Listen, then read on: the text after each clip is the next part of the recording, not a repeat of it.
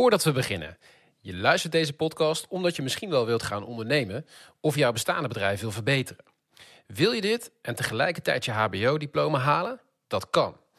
Bij de internationale vierjarige HBO Entrepreneurship opleiding van Team Academy Amsterdam. Hier word je in je studietijd op een persoonlijke manier gecoacht en krijg je tijd om uit te zoeken wat je passie is en hoe ondernemerschap je kan helpen groeien. En dat in een community van internationale medestudenten met dezelfde doelen en ambities als jij. Ben je geïnteresseerd? Er is elke maand een interactieve introductieavond waarvoor je je nu kunt opgeven op teamacademy.nl. Dan gaan we nu naar de aflevering. Tof dat je luistert naar de Job, oftewel de Jonge Ondernemers Podcast. En iedere aflevering interviewen we een jonge ondernemer over een concreet dilemma waar zij tegenaan lopen. En deze aflevering gaat het over crowdfunden. Een goed idee? Hans, ik weet er niet zoveel van. Hoe is het op jou? Nou, ik eigenlijk ook niet. Ik heb er eigenlijk geen ervaring mee. Ik heb wel ideeën bij, ehm, maar die zijn ook een beetje gebaseerd op wat ik hoor, lees, zie. Uh, maar geen concrete ervaring. Nee. Nou, ik eh, heb eigenlijk hetzelfde. Dus volgens mij moeten we gewoon gaan luisteren naar Lucie Santema van Zimi. Want zij heeft er wel ervaring mee. Ja, en Rob, er is nog één ding wat jij elke keer zegt, eh, waar ik toch wel iets van vind. Dus ik ga luisteren of je deze keer weer eh, gaat benoemen en dan kom ik er straks even op terug. Oké, je wordt kritisch, begrijp ik. Nou, ik ga het, eh, ik ga het zien. Goed jongen.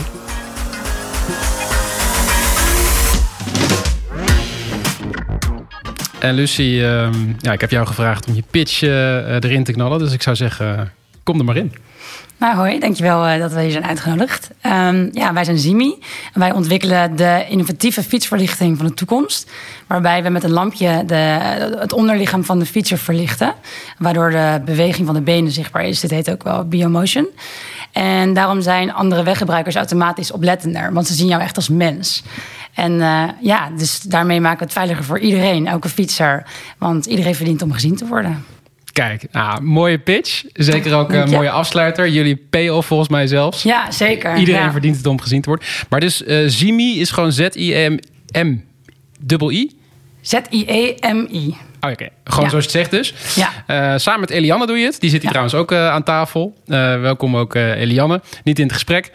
Um, ja, toch even terug naar jullie, uh, naar jullie product, want het was een mond vol. Uh, mm-hmm. En we hebben hier geen beeld bij. Mm-hmm. Uh, dus kun je nog iets beter uitleggen? Ik, ik, ik, ik koop straks een, een, een Zimi. Ja. Um, waar plaats ik het op? Hoe werkt het? je zegt benen verlichten. Mm-hmm.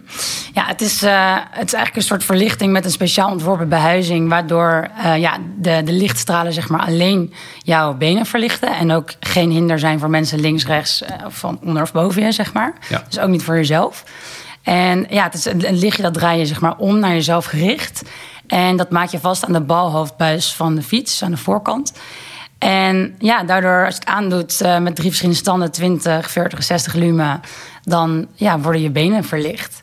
En daar hoef je zelf ook geen andere kleur broek of iets dergelijks voor aan te doen. Dat is gewoon op je fiets. En het is USB-oplaadbaar, dus je kan het er ook weer afhalen en thuis een oplader leggen. En dan uh, gemiddeld zeven uur lang ermee fietsen. En dus beter zichtbaar. Veel beter zichtbaar. Ja, je moet je nagaan dat je normaal gezien gewoon nu een soort brandende spijker hebt in het verkeer, weet je wel, ja. zo'n zo'n lampje. En uh, ja, met ons heb je gewoon de hele oppervlakte van je onderlichaam is verlicht. En daarmee ook de beweging van je benen. Dat de biomotion waar we het over hadden. Ja, ja dat noemen jullie biomotion inderdaad. Ja. Nou, misschien kunnen we zo nog wat meer over vertellen. Want deze reis is natuurlijk ergens uh, begonnen. Mm -hmm. uh, met jou en, en je compagnon Elianne. Um, waar is dit gestart? Ja, dus anderhalf jaar geleden. Um, toen was ik bezig op mijn studie industrieel ontwerpen in Delft. Uh, tijdens mijn master hadden we een vak waarbij ik iets moest ontwerpen voor een fiets. Eigenlijk zo breed was het vak. En toen ging ik nadenken van ja, oké, wat, wat kan er nou echt verbeterd worden aan een fiets? Wat is nou echt ook al 200 jaar hetzelfde, zeg maar? Of nou ja, 100 jaar sinds de verlichting is uitgevonden. En dat is dus gewoon echt die verlichting. En dat is eigenlijk ook het enige veiligheidsaspect aan een fiets. Naast misschien zijwieltjes of zo, weet je wel. Maar voor in het donker onveiliger te zijn, is echt die verlichting zo belangrijk. Ja, en dat vond, ik, ik vond gewoon dat er nog heel wat uh, ja, te wensen aan over was. Want ja, zoals ik zei, je, ziet alleen dat lampje. Je ziet geen fietser, weet je wel. Misschien is het wel gewoon een lantaarnpaal. Of een, uh, een hondje met een, met, een, weet je, met een lampje. Dus je weet het gewoon niet. En ja, daarom probeerde ik juist dat menselijke aspect terug te brengen in de fietser. Ja. En het is toen ook een beetje gebaseerd op bijvoorbeeld een artiest op het podium. Die, die wil ook gewoon lekker zo'n spotlight op zichzelf. En ja, niet op de, de mensen die komen kijken natuurlijk. Want ja, de artiest wil gezien worden. Ja, Dus daar komt het een beetje vandaan, dus dat studieproject. En toen, eh, ja, toen was het studieproject klaar. En toen werden echt best wel veel mensen omheen zeiden van... ja, dit, dit ga gewoon door, weet je wel. Je bent jong, ga dit ontwikkelen. En zodoende heb ik Eliane erbij gevraagd, eh, al vrij snel. En zijn wij samen, eh zijn vriendinnen uit Delft... en eh, zijn samen bij Yes Delft een programma gaan volgen om te ja, precies. Want jullie zijn dus ontwerpers eigenlijk. Ik hoor dan mooie termen, biomotion. Dus alles de principes heb je, het menselijk aspect heb je erin ontworpen. Daar ben je voor opgeleid. En dan op een gegeven moment sta je voor de keuze om een bedrijf te starten. Ja, Dat is een heel ander vak. ja dat eh, leer je niet eh, bij nee. Precies. en dan klop je aan bij Yes Delft. ja, Wat is Yes Delft? Yes Delft is een start-up incubator in Delft. Dus eh, zij helpen start-ups om ja, te start-uppen en te groeien. En op een gegeven moment ook de scale-ups helpen ze ook. Dus het ligt een beetje aan ja, waar je zit in je proces. en Wat je eraan hebt.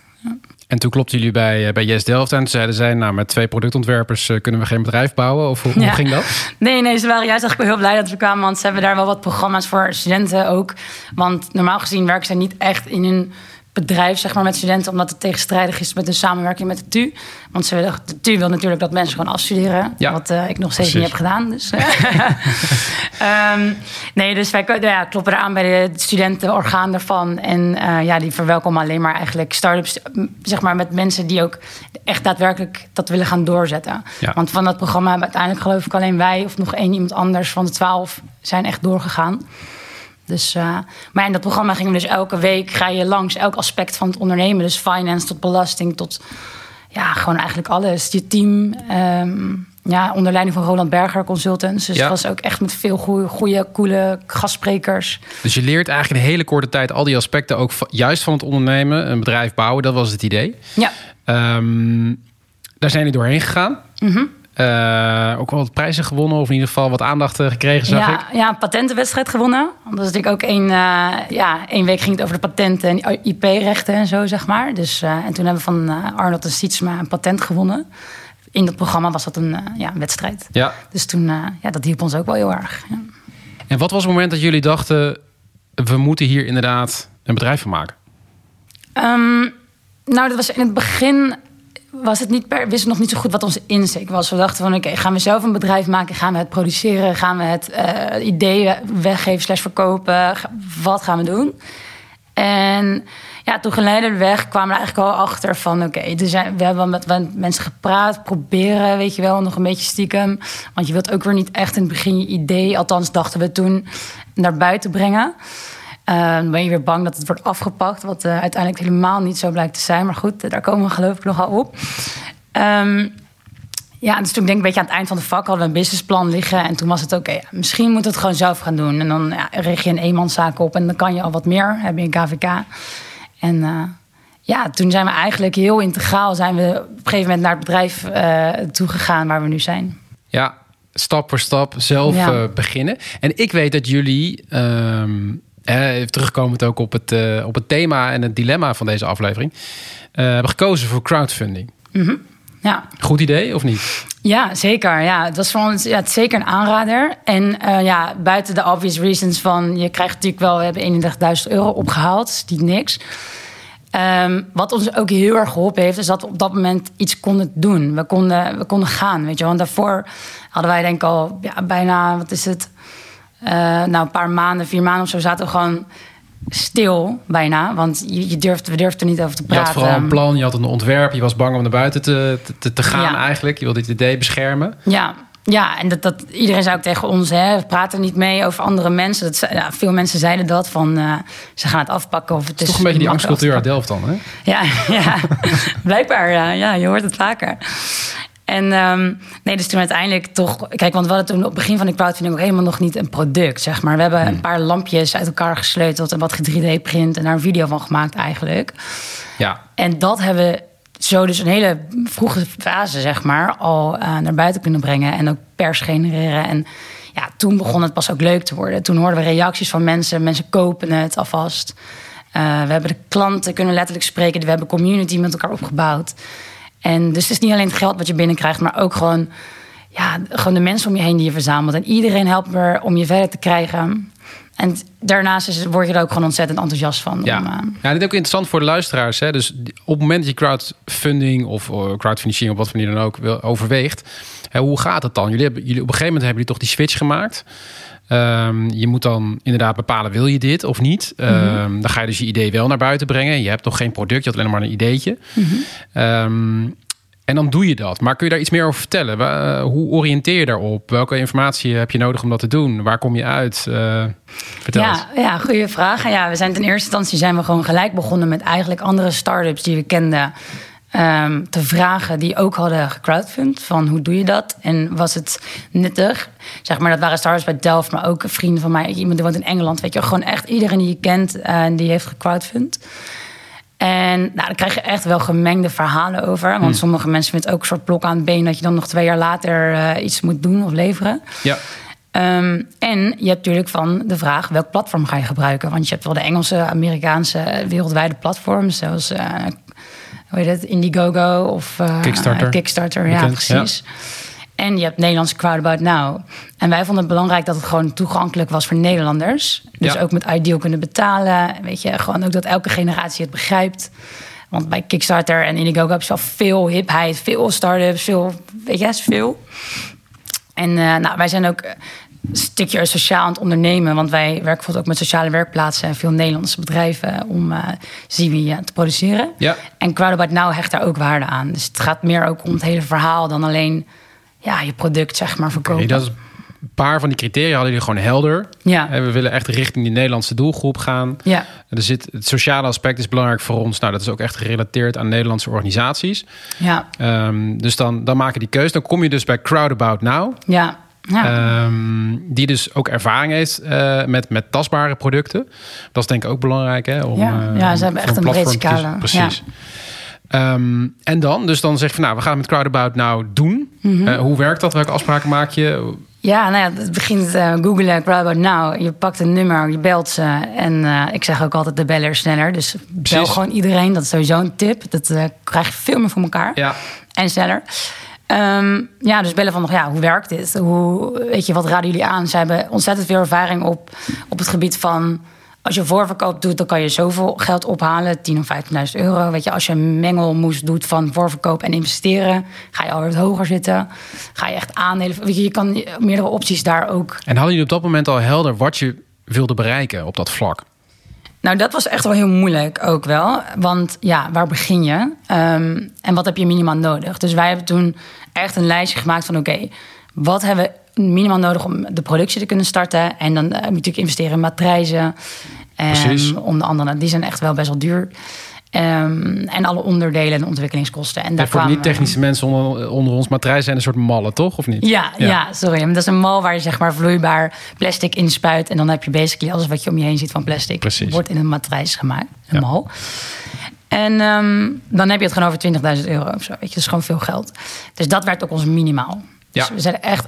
En dan hebben we tijd of iets dergelijks, onze eigen kosten. Nou, we betalen onszelf nog steeds niet uit. Dus daar moet je ook eigenlijk niet Ja. zo mee bezig zijn, denken wij zo. Hey, en er zijn Ehm. misschien zelfs luisteraars die denken... Hey, maar eh, hallo, eh, crowdfunding, wat, wat, wat was het ook alweer? Ehm eh, bedenk me nu ineens. Ja. dus, dus wat wil je daar dan uiteindelijk mee bereiken? Met, hoe bedoel je met een crowdfunding doen? Of? Ja, dus, dus je, wilt, Ja. je, hebt, je hebt geld nodig, hè, dus dat is Ja. duidelijk. Ja. Dus dat haal je dan uit de crowd. Maar hoe werkt dat dan? Stel, ik, ik kom op Crowdabout Now. Mhm. Ja, het werkt dus voornamelijk. Ja, het, je doet dus voornamelijk echt voor het geld, inderdaad. En ehm, nou, dus mensen die dan willen investeren, die komen dan op Crowdabout Now, die zien naar je verhaal. En die kunnen dan eh, een donatie doen of een investering eh, in de zin van een lening bij ons bijvoorbeeld. En dan kan je over 2,5 jaar of iets dergelijks, kan je zelf verzinnen wat je daarvoor payback of rente of iets dergelijks aan hangt. Ja, En je kan ook een voorverkoop doen alvast. Dus je kan per stuk aantal zimis verkopen. Dat hebben wij ook gedaan. en hebben jullie dan al deze drie dingen gedaan? Ja, wij hebben lening en ja, alle drie, ja, lening, verkopen en doneren. Ja, Ja. alle drie gedaan. Ja. En, en wat, wat is daar gebeurd? Wat is het resultaat geweest? ja, we hebben gemerkt dat, ehm kijken hoor, we hadden, het was eigenlijk een beetje 50-50 ehm, in de zin van lenen en kopen. Ehm, ja, er zit geloof ik iets van 18.000 in de voorverkoop en de rest was lening. Dus nou, reken maar uit naar de 31.000.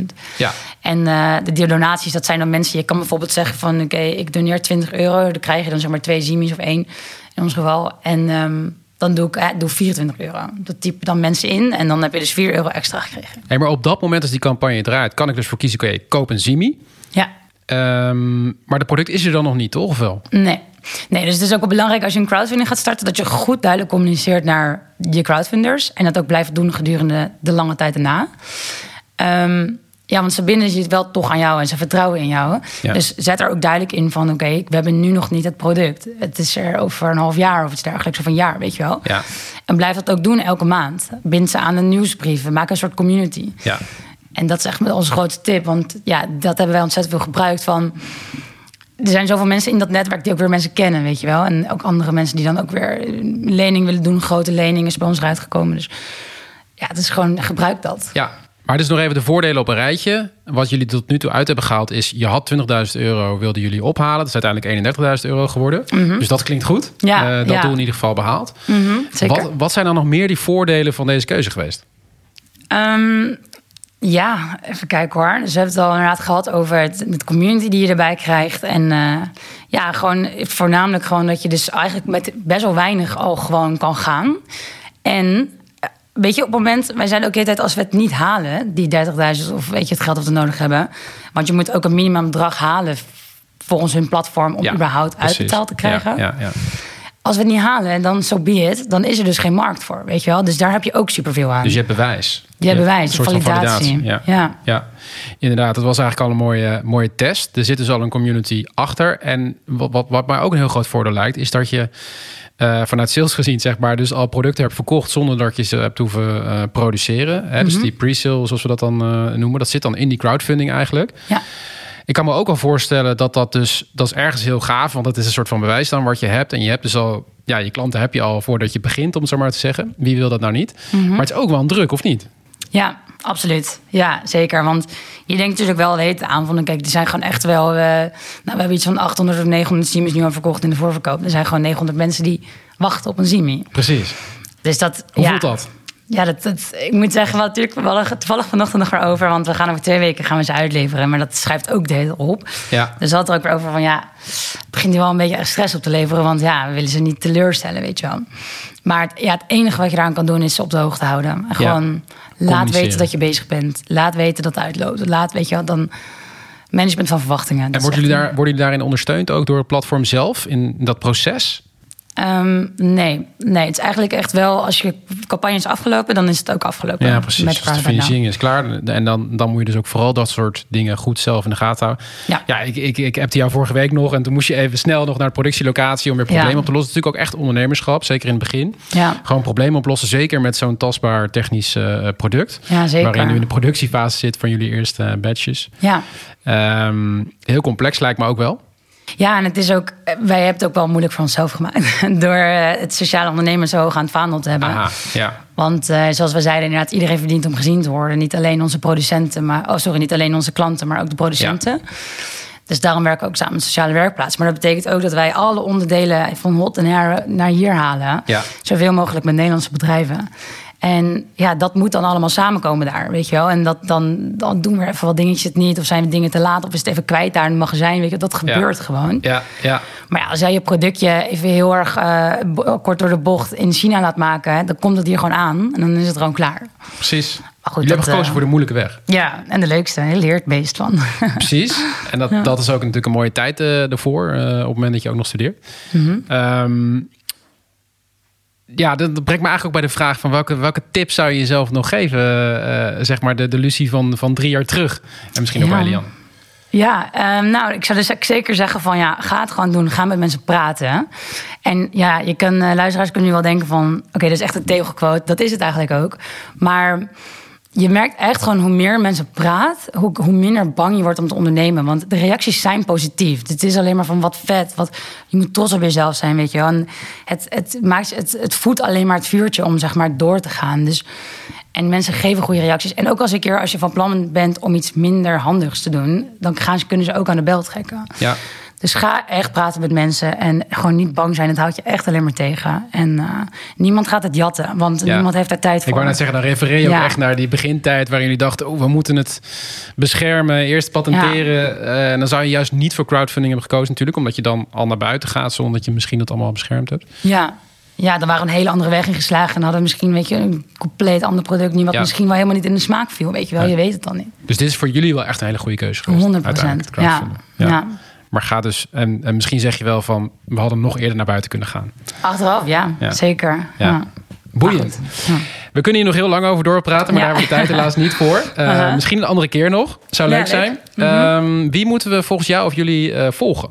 Ja, we hebben eigenlijk wel één iemand waar eh, we echt wel een beetje of tegenop kijken en dit echt wel ons inspireert. En dat is eh, Bob Hendricks van eh, Loop, start-up. En hij maakt eh, levende doodskisten, waarbij eh, ja, je dode lichaam weer omgezet wordt tot levende materie. Ja. En eh, ja, wat wij zo vet aan hem vinden is gewoon... eh, ten eerste, we kennen hem persoonlijk. Dus eh, Ja. het is leuk om de verhalen mee Mooi. te krijgen. En hij is gewoon visionair en hij, hij werkt vanuit zijn passie, zeg maar. En hij heeft gewoon een, een beeld op de wereld en dat, dat volgt hij. En dan kijkt hij van, oké, wat kan ik nu doen... eh, om, om dat nu alvast viable te maken, dus in een doodskist. Want hij heeft ook een keer een huis gemaakt van het levende materiaal, mycelium. Of van dat uh, schimmelkanaal. Ja. En dan heeft hij gedacht, ah, niemand gaat een huis daarvan kopen. Maar ja, wel misschien een doodskist, weet je. Dus dat vind ik gewoon heel inspirerend. Dat hij heeft een visie en hij vertaalt dat naar het nu en naar de toekomst. En ja, het, en het opent een hele nieuwe wereld naar de biomaterie. En eh, dat vind ik gewoon heel cool. Bob Hendricks, Ja. waar kunnen we hem vinden? Hij, zit nu, hij woont nu in Amsterdam.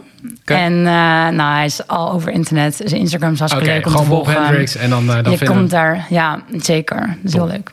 Dankjewel voor, eh, voor het mooie gesprek. Top. Nou, jij bedankt. En eh, jij voor veel succes met Eliane in jullie eh, verdere ontwikkeling van eh, Simi. Ja, dankjewel. En eh, succes alle jonge ondernemers thuis. En eh, contact, eh, neem vooral contact met ons op als jullie eh, vragen hebben. Cool. Doe dat zeker. Leuk. Dankjewel. Top, dankjewel.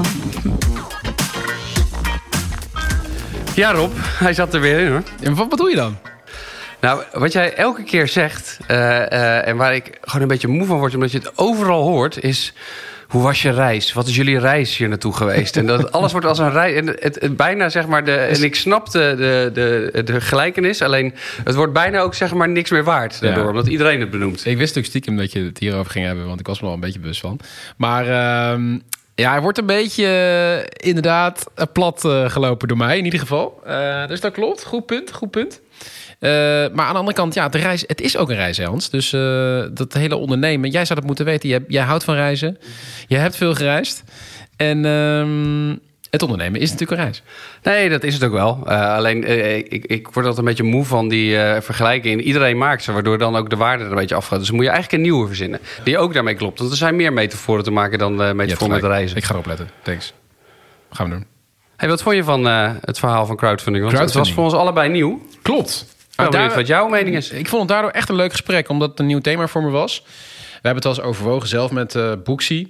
Eh, en op de een of andere manier ja, de plussen en minnen op een rijtje gezet en niet gedaan of niet aangedurfd. En ehm, nou, mooi om in ieder geval dit verhaal een keer eh, te horen, zeg maar, van ja, dus ook weer een, een tastbaar product. En dat zie je natuurlijk vaak, dat het daar wel voor in wordt gezet op de bekende platformen.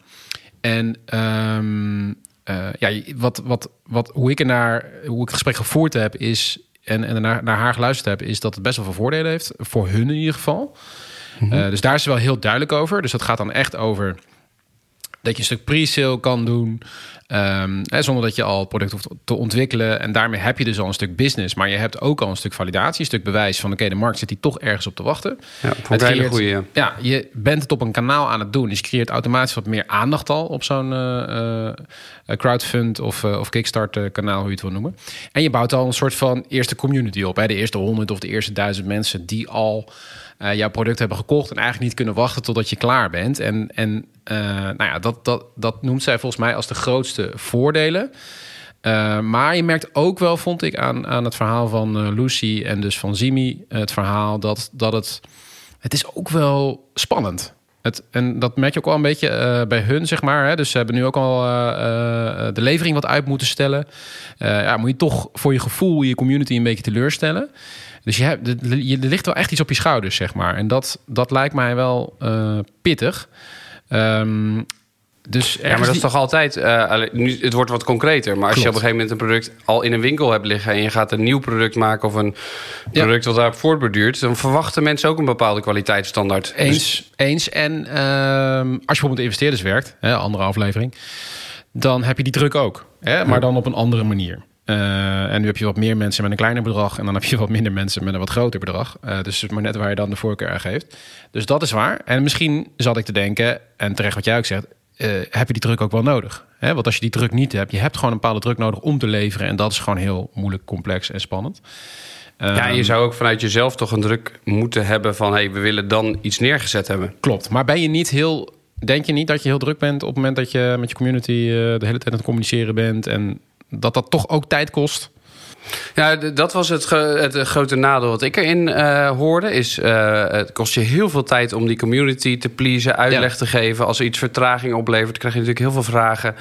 Um, um, en dat zijn het ook nog vaak, nou, wat je zei in het begin, familie, vrienden. Dat is ook nog ingewikkeld. Ja.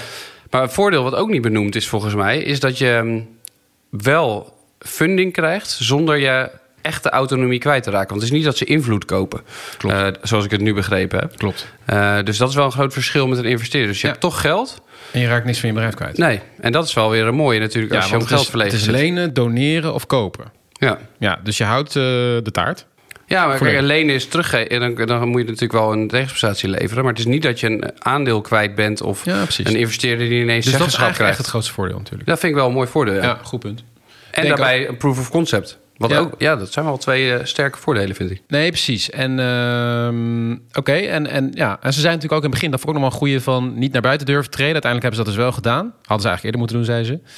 Um, het geeft je de mogelijkheid om al veel eerder naar buiten te treden. Ja. Je hoeft niet te wachten tot je product klaar is. Je hebt hem al geclaimd, zeg maar. Je bent je community aan het bouwen. Ja, dus dat is wel echt een groot voordeel. Wat ik overigens wel grappig vind, want juist volgens mij die community uit Delft en zo, die zijn heel erg van laten we ja. vast een, iets publiceren en dan gaan we daarna een beta-versie maken. En het is zo. meer een technische benadering ja. eigenlijk. Dus ik had verwacht dat, ik dat ze veel eerder naar buiten zouden komen. Nou, wel. Ze zijn daar toch goed bezig in Delft hoor. Ja. ja leuk. Yes, Delft. Ja. Mooi. Um, Duidelijk. Voordelen en nadelen op een rijtje. Wij zijn volgens mij wel enthousiast geworden over crowdfunding. Ja. Oké. Okay. Nou, misschien toch vaker naar kijken om ook uh, iets mee te doen. Niet alleen, uh, ook als, als koper bijvoorbeeld. Of ja, ja. Als, uh, als koper is natuurlijk ook interessant. Dus je kan ook andere ondernemers daarmee helpen. Ja. ja, ik ben heel benieuwd. Ik ga Zimi zeker volgen of het ze lukt. Hè, stel dat het, uh, dat het niet lukt, ja, dan is het toch ook wel weer heel uh, spannend. Dus uh, daar ben ik heel benieuwd naar. Dus nou, we kunnen ze natuurlijk ook gewoon volgen. Oké, okay. hey, volgens mij zijn we er. Thanks. Jij ook. En uh, jij bedankt voor het luisteren naar deze aflevering. En wil je meer horen? Abonneer dan vooral op onze podcast. En heb je ideeën voor een concreet dilemma wat wij hier uh, kunnen bespreken? Of een interessante gast die we kunnen uitnodigen om daarover te praten? Laat het vooral weten in een berichtje aan mij via robin met dubbel b, blinkers met een. Dankjewel en tot de volgende.